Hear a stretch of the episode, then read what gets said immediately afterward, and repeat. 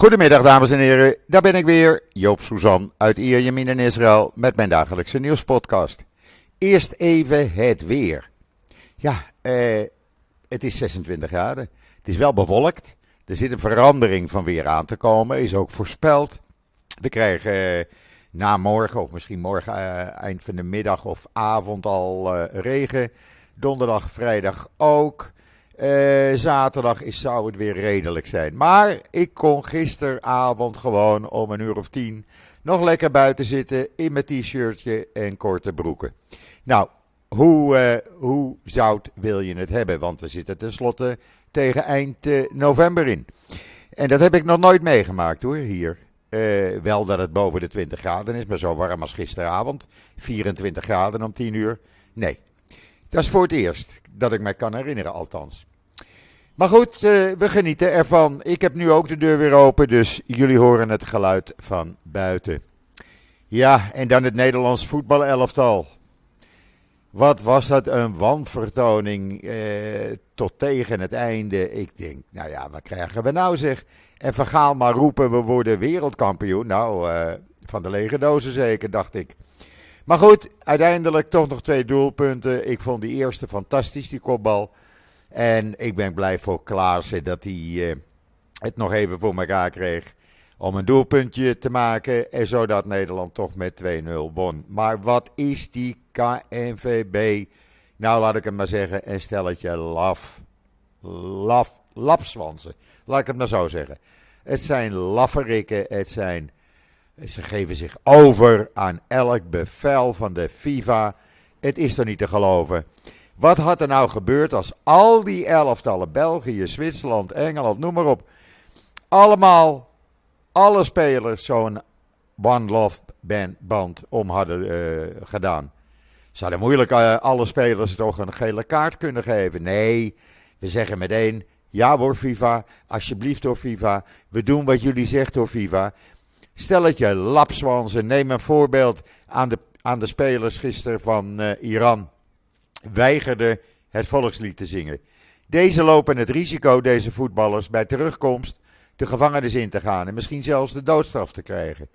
Maar nee, de KNVB, wij doen alles wat ons wordt opgedragen. Het doet me een beetje denken aan 1940. Bevel is bevel. En zo doen ze nu. Het is niet te geloven. Maar goed, laat ik uh, me maar druk maken over wat er in Israël gebeurt. Want uh, dat gaat ook niet goed. Uh, ten eerste COVID. Er is een stijging van het aantal COVID-patiënten. Uh, gisteren werden er 14.664 mensen op COVID getest. Toen bleek 12,11% positief, uh, positief te zijn. Dat wil zeggen 1776 mensen waren met het virus besmet. R-cijfer staat nog steeds hoog op 1,12. En in totaal, er is ook een stijging, 9.433 mensen in Israël met COVID besmet. Er liggen er 113 nu van ernstig ziek in de ziekenhuizen. 35 van hen in kritieke toestand, 28 daar weer van aangesloten aan beademingsapparatuur. Het dodental is met 8 gestegen naar 11.018. Dat gaat dus niet goed. Die stijging moet gestopt worden. Wat wel goed gaat, is elke nacht en avond uh, de IDF en veiligheidsdiensten. Die hebben gisteren weer 16 terreurverdachten opgepakt. En ze hebben een aantal gestolen auto's in beslag genomen. Er staat een video in uh, Israël Nieuws, zoals gebruikelijk. Die krijg ik toegespeeld van de IDF. En uh, het hele verhaal kan je ook daar lezen. En dan hebben we een fantastische kolom van mijn broer Simon Susan. Echt waar. Het is een aanrader, mensen. Wasem, Wasem. En het is niet verzonnen, want ik ken die Wasem. Ik heb hem zo vaak bij hem thuis ontmoet. Of dat we naar zijn restaurant gingen. Maar lees dat verhaal over Wasem, Wasem. Zijn Arabische vriend, die steeds extremistischer uh, aan het worden is. Het is jammer, maar helaas gaat het zo. En Simon beschrijft het uitstekend. Het is echt op waarheid gebaseerd. En wat ook mooi is, IDF-chef die is in Washington en die kreeg het Legion of Merit onderscheiding van Amerika.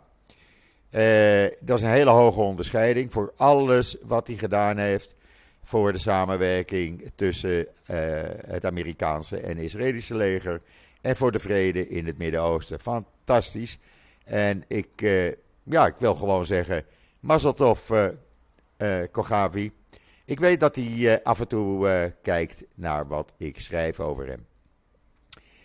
En dan, de Bank van Israël heeft gisteren opnieuw de rente verhoogd. Niet zo hoog als de vorige keer, nu een half procent.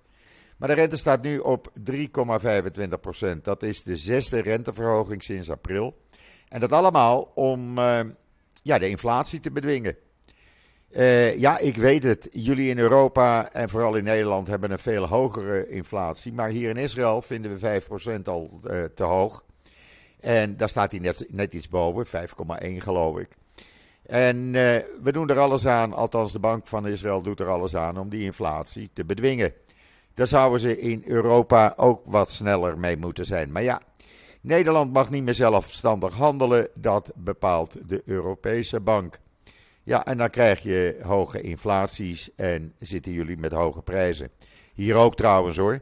Want alles wordt, uh, wordt alleen maar duurder. Ook nu die rente natuurlijk stijgt. En dan uh, uh, Elbit Systems. Jawel, je zal er in Nederland weinig van lezen. Elbit Systems uit Israël levert command, staff, trainer apparatuur aan de Koninklijke Landmacht. Ze hebben al een jarenlange uh, uh, ja, vriendschap wil ik niet zeggen, maar ze leveren al jarenlang uh, materieel wat de landmacht nodig heeft aan de Koninklijke Landmacht. En ook nu weer. En dat kan je allemaal lezen in Israël Nieuws. Daar zie je ook hoe het systeem werkt en waarvoor de landmacht het gebruikt. Ik vind het uh, echt geweldig. Ja, en zullen we het dan maar even over de politiek hebben? Want ik maak me er alleen maar kwaad over. Echt, ik maak me zo kwaad erover. Weet je dat ik uh, uh, het openingsgedeelte van het journaal niet eens meer ga bekijken? Ik doe dat al een aantal dagen niet. Ik word er zo nerveus van.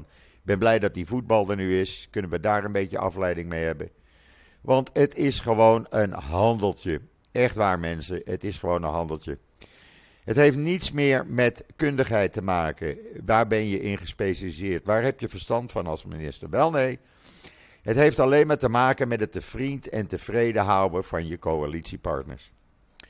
En er wordt er ook maar voor het gemak van uitgegaan dat het uh, lukt om uh, Arje uh, minister te laten worden. En dat, uh, dat doen ze door uh, of de voorzitter van de verkiezingscommissie onder druk te zetten. Of de wet te veranderen zodat uh, met 61 voorstemmen een wet kan worden aangenomen. en het Hoge Rechtshof buitenspel zetten. Ja, Netanyahu heeft het nog wel even nodig nu. En dat moeten ze ook even snel voor hem doen. Om te zorgen dat hij die 275.000 dollar. die hij van zijn inmiddels overleden neef had gehad niet hoeft terug te betalen. Maar daarna kan het Hoge Rechtshof een trap onder hun achterste krijgen van hem. En uh, ja, volgens de uh, verschillende Hebreeuwse dagbladen, op dit moment, dinsdagmorgen as we speak, liggen de kaarten dus als volgt. De Likud die krijgt het grootste aantal uh, ministersposten en ook twee van de drie belangrijkste, want ze zijn natuurlijk de grootste partij. Ga er maar vanuit dat Joaf Galant kan dienen als minister van Defensie. Die moet dan wel iets afstaan aan meneer Smotrich, want die wil grip op de Westbank houden. Kom ik zo op. Ron Dermer, een uh, boezemvriend van de familie Netanyahu en was ook ambassadeur een tijdje bij uh, de Verenigde Naties voor Israël. Die uh, krijgt waarschijnlijk buitenlandse zaken. Amir Ogana, die is opnieuw in de race om justitie te krijgen. Nou, hij heeft daar dan wel verstand van, want hij is advocaat van oorsprong, jurist. De minister eh, van Onderwijs, als die zaak, eh, of dat ministerie bij de Likud blijft tenminste, wordt meneer Eli Cohen. Ik ken hem verder niet. Mickey Zohar, die was altijd de coalitie, of de, de fractiewoordvoerder. Die krijgt eindelijk een ministerspost. En ja, hij is zo'n sportief figuur, maar niet heus. Die gaat cultuur en sport doen. Niet dat hij daar verstand van heeft, maar ach, dan heeft hij ook een baan. Slomo Carré, Carré wordt de nieuwe minister van Economie. Ik heb nog nooit van hem gehoord. Ik weet niet uit welke branche die komt, maar niet uit de economie. En dan blijven er nog wat posten over voor ministers eh, van de Likud voor communicatie, energie, milieubeschermingen en inlichtingen. Maar dat kunnen we ook nog verdelen onder Smotrich als hij niet echt tevreden is en Benkwier. Pratend over Smotrich, die eh, heeft eindelijk ja gezegd tegen de portefeuille van Financiën. Hij aasde op minister van Defensie eh, te worden, want hij had tenslotte 14 maanden bij de IDF op kantoor gezeten. Daarna hadden ze hem niet meer nodig. Maar hij krijgt nu financiën. Uh, hij is jurist van oorsprong, helemaal geen econoom. Uh, zijn partij krijgt ook de post van plaatsvervangend minister bij het ministerie van Defensie. Zodat ze grip kunnen hebben op beslissingen over de Westbank, want dat wil hij wel. Uh, en daar kunnen ze invloed uitoefenen. En dan uh, de extreemrechtse Otsma uh, Yehudit-partij van meneer Itamar Ben-Gvir, ook een jurist. Uh, die wordt, uh, Itamar Ben-Gvir wordt, zoals inmiddels wel bekend, minister van Politie en Openbare Veiligheid. Maar zijn partij krijgt ook landbouw- en erfgoedportefeuilles. Hij heeft wel inmiddels gezegd dat hij de Shin Bet wil hervormen. Hij wil dat de Shin Bet, de Binnenlandse Veiligheidsdienst, een soort politiedienst gaat worden. Die moet de criminaliteit onder de Arabieren, maar ook onder de Joden aanpakken. Ja, uh, ik zou denken dat is echt iets voor politie. Maar goed, hij weet het, hij is jurist. En dan Arje Derry, want het lukt ze natuurlijk om iedereen onder druk te zetten en Derry, de belastingfraudeur, weer minister te maken. Nou, hij wordt dan niet uh, financiën, maar hij krijgt binnenlandse zaken. Ja, daar was hij niet echt tevreden mee. Want dat vond hij maar minnetjes. Nou, zei jou, weet je wat? Naast binnenlandse zaken krijg je ook transport. En weet je wat? Ik maak je ook nog eens een keer vicepremier, nummer 4 of 5 of zo. Ben je dan tevreden?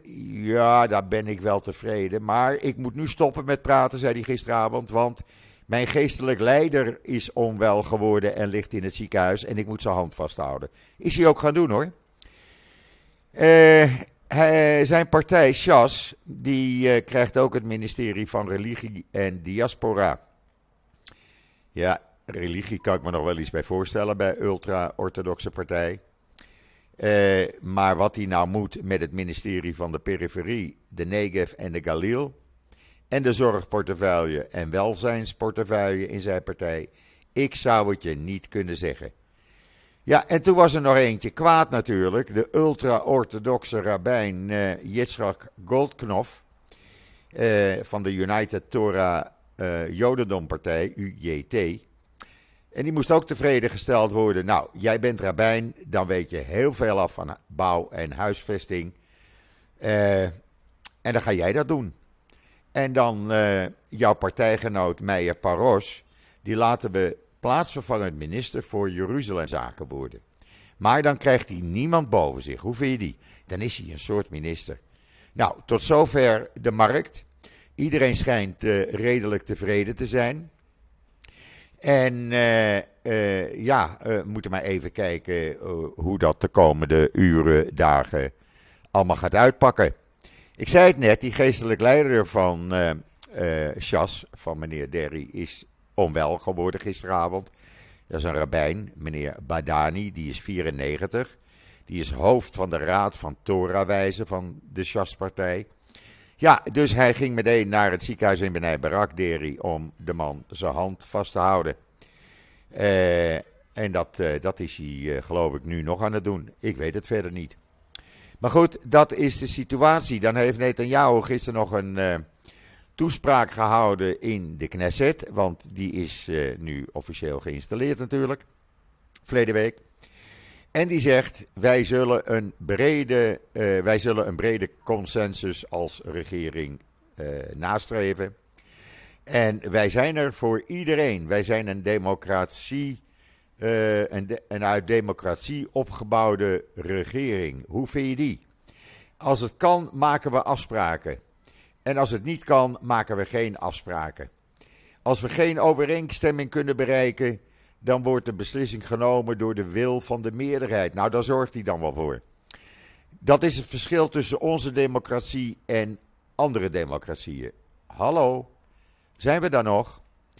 Nou ja, hij zei: uh, overal elders in de wereld worden beslissingen met geweld genomen. Maar hier, zegt Netanyahu, is democratie de fundamentele infrastructuur. Dan vraag ik me alleen af: als je nou dit verhaal staat af te steken, waarom wil je dan het Hoge Rechtshof uh, een trap onder zijn achterste geven? Zodat je zelf alle beslissingen kan nemen samen met je Knesset-meerderheid. Want dan is er geen democratie meer. Want Israël heeft geen grondwet, meneer Netanyahu.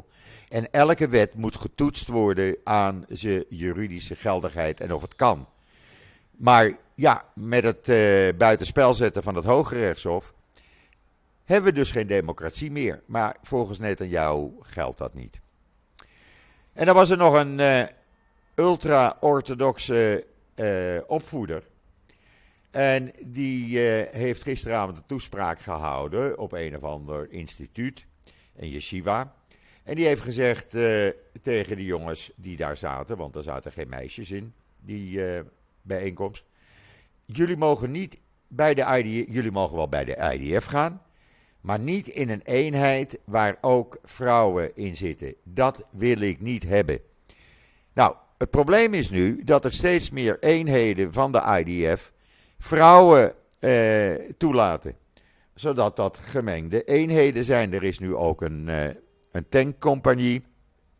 Waar eh, vrouwen gewoon de tanks eh, besturen en met de tanks omgaan. Die doen ze gewoon in de tankeenheden. En dat kan allemaal. En dan gaat deze man even van in de tachtig even zeggen van... Dat kan niet, dat mag niet. Dat staat de Torah niet toe. Ja, sorry. Eh, ik vind dat een beetje te ver gaan. Deze man die zelf nooit in dienst heeft gezeten, die niet weet wat daar zich voorspeelt, die moet eens even zijn mond houden. Israël is 2023 binnenkort. En dan uh, was er een commandant van de Iraanse Republikeinse Garde. En die heeft gezegd: Wij gaan meneer Kikkermars. En wie zou dat dan zijn? Nou, dat is Netanyahu. Die gaan wij ontvoeren uh, aan een riem en we laten hem uh, aan een slavenhalsband werk doen in Iran. Hoe vind je die? Je kan het lezen in de Jeruzalem Post. Ik verzin het niet. Het staat daar zwart op wit. Nou ja, dan heeft Netanyahu weer wat om zich druk over te maken. Waar je eigenlijk nooit wat van hoort in Nederland. Je hoort alleen maar kritiek in Nederland over Israël. En je hoort nooit eens iets positiefs. Daarom doe ik het maar. Er is uh, in Israël gisteren de 3000ste uh, hartoperatie op een Palestijns kind uh, gepleegd. En dat gaat allemaal via Save a Child's Heart. Het was een vijfjarig jongetje, Amir Yichai Magboeg. Die is zondag kreeg hij een open hartoperatie. Inwoners uit Gaza en zij vertrouwen de Israëlische artsen meer dan 100%, want zij weten dat ze ze kunnen vertrouwen, in tegenstelling tot wat hun verteld wordt. Trouwens, deze Save a Child's Heart heeft sinds 1995, toen ze werden opgericht, al meer dan 6000 kinderen uit landen, ook waar Israël geen enkele binding mee heeft, waar ze alleen maar vijandigheid mee hebben, zoals Syrië, Irak, noem maar op, ruim 6000 kinderen in Israël laten helpen aan hun hart. Kritieke operaties, kinderen uit meer dan 65 landen, heel veel ontwikkelingslanden, heel veel landen waar Israël uh, vijandschap mee had. En uh, ja, dat is toch prachtig. En dat mag in Nederland ook wel eens een keer aan de grote klok worden gehangen. Laat de NOS daar eens een keer een reportage over maken. Dat zou mooi zijn als die nieuwe uh, van de NOS hier in Israël haar eerste uh, verslag vanuit Israël doet vanuit Save a Child's Heart. Ik zal het er zeggen. Ze had me beloofd dat ze, ze, me, ze mij zou bellen als ze op 31 december aankomt. Eens kijken of ze dat doet. Uh, in ieder geval, anders zal ik haar bereik, uh, wel weten te bereiken. En zal ik zorgen dat ze dit onder de aandacht krijgt. En vertel het alsjeblieft rond. Je kan het lezen in de Times of Israel trouwens. Engeland. Engeland is al een verloren land, mensen, als we dat nog niet wisten. Het Britse, Britse Openbaar Ministerie laat de aanklachten wegens bedreiging van verkrachting van Joodse vrouwen en meisjes tegen uh, Mohammed Iftik Har en uh, Jawad Hussein, die laten ze vallen. Waarom? Zij konden niet bewijzen dat de filmpjes echt waren waarop deze twee verleden jaar door Londen reden, door de straten van Londen. Met een luidspreker op uh, de daken van de auto's dat ze Joodse vrouwen en meisjes wel eens even zouden verkrachten. Nee, dat kunnen we niet bewijzen. Een filmpje is niet genoeg, zei het Openbaar Ministerie in Londen. Zover is het in Engeland. En dan, uh, nu we het toch over verkrachting hebben. Ja, hier in Israël is daar nu een rapport over uitgekomen. En ik ben daar eigenlijk van geschrokken, mensen, echt waar. 75% van de zedendelinquenten in Israël wordt voor het einde van de straf al vrijgelaten. Dat is een uh, rapport van de Association of Rape Crisis, Crisis Centers in Israël, die het uh, fenomeen van geweld tegen vrouwen in Israël onderzoekt. En ja, dat kan toch eigenlijk niet. Die moeten gewoon tot het einde uh, van hun straf in de gevangenis blijven. In 2021 trouwens is er 17% meer zedenzaken geopend bij de politie dan in 2020. 6.922 klagers die aangifte deden van zedendelicten en seksuele intimidatie. 83% van de zaken werden aangespannen vanwege het schade van jongens en meisjes. Uh, en trouwens, van, de 43, van, de, van al die zaken ging 43% uh, over uh, zedendelicten tegen minderjarigen. Uh, en dat is behoorlijk hoog, vind ik. daar mag dus hier wel eens wat aan gedaan worden. Het hele rapport kan je lezen in de Jeruzalem Post trouwens vandaag. En dan als je toch belastingfraude doet, Deri, eh, Arje Deri deed het dan voor enkele miljoenen shekels. Maar in Irak dachten uh, ambtenaren en bedrijven, weet je wat, als we het dan doen, belastingfraude, laten we het dan maar goed doen.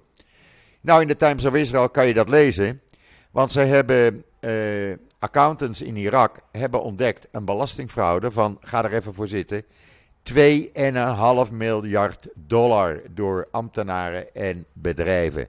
Nou, die hebben het in ieder geval goed gedaan. Het was een heel netwerk, alles met elkaar verstrengeld. En uh, ja, ga er maar aan staan. Uh, het hele verhaal over deze fraude in de Times of Israëlse uh, Times of Israel. En dan heeft het hoofd van de militaire inlichtingendienst gezegd dat Iran, Irak plannen heeft om het wereldkampioenschap voetbal daar iets te doen, aan te vallen. Maar het enige wat zich er nog van afhoudt is de reactie van Qatar. Want die hebben ze hard nodig en Qatar ligt natuurlijk niet zo ver van Iran. En uh, daar zijn ze nog even bang voor. Maar ga er maar vanuit, zegt hij. De kans op een aanslag is aanwezig. Uh, hij houdt dat in de gaten en de militaire inlichtingendienst is natuurlijk uh, heel uh, secuur. Nu we het toch over inlichtingen hebben, het was de Mossad die de Britse M15, de geheime dienst in Engeland, heeft getipt over terreurdreigingen uit Iran. En dan voornamelijk tegen journalisten. dat kan je lezen in de Jeruzalem Post. Uh, M15 heeft daarop maatregelen genomen, mensen gewaarschuwd. En voorlopig is het even voorkomen. Ja, Israël is een beetje druk. Israël is een beetje druk. Trouwens, in Iran, uh, die Ayatollahs die denken dan dat ze de bevolking achter zich hebben. Nou, dat, dat is dus al lang niet meer. Uh, als je mijn Twitter-account kijkt, ik, kijk, ik zet daar elke dag tientallen filmpjes op van Iraanse journalisten. Uh, 70% van de mannen en 74% van de Iraanse vrouwen zijn tegen de verplichte hijab. Uh, 13% van de vrouwen steunt het en 17% van de mannen steunt het. Nou, en dan die Iraniërs maar denken.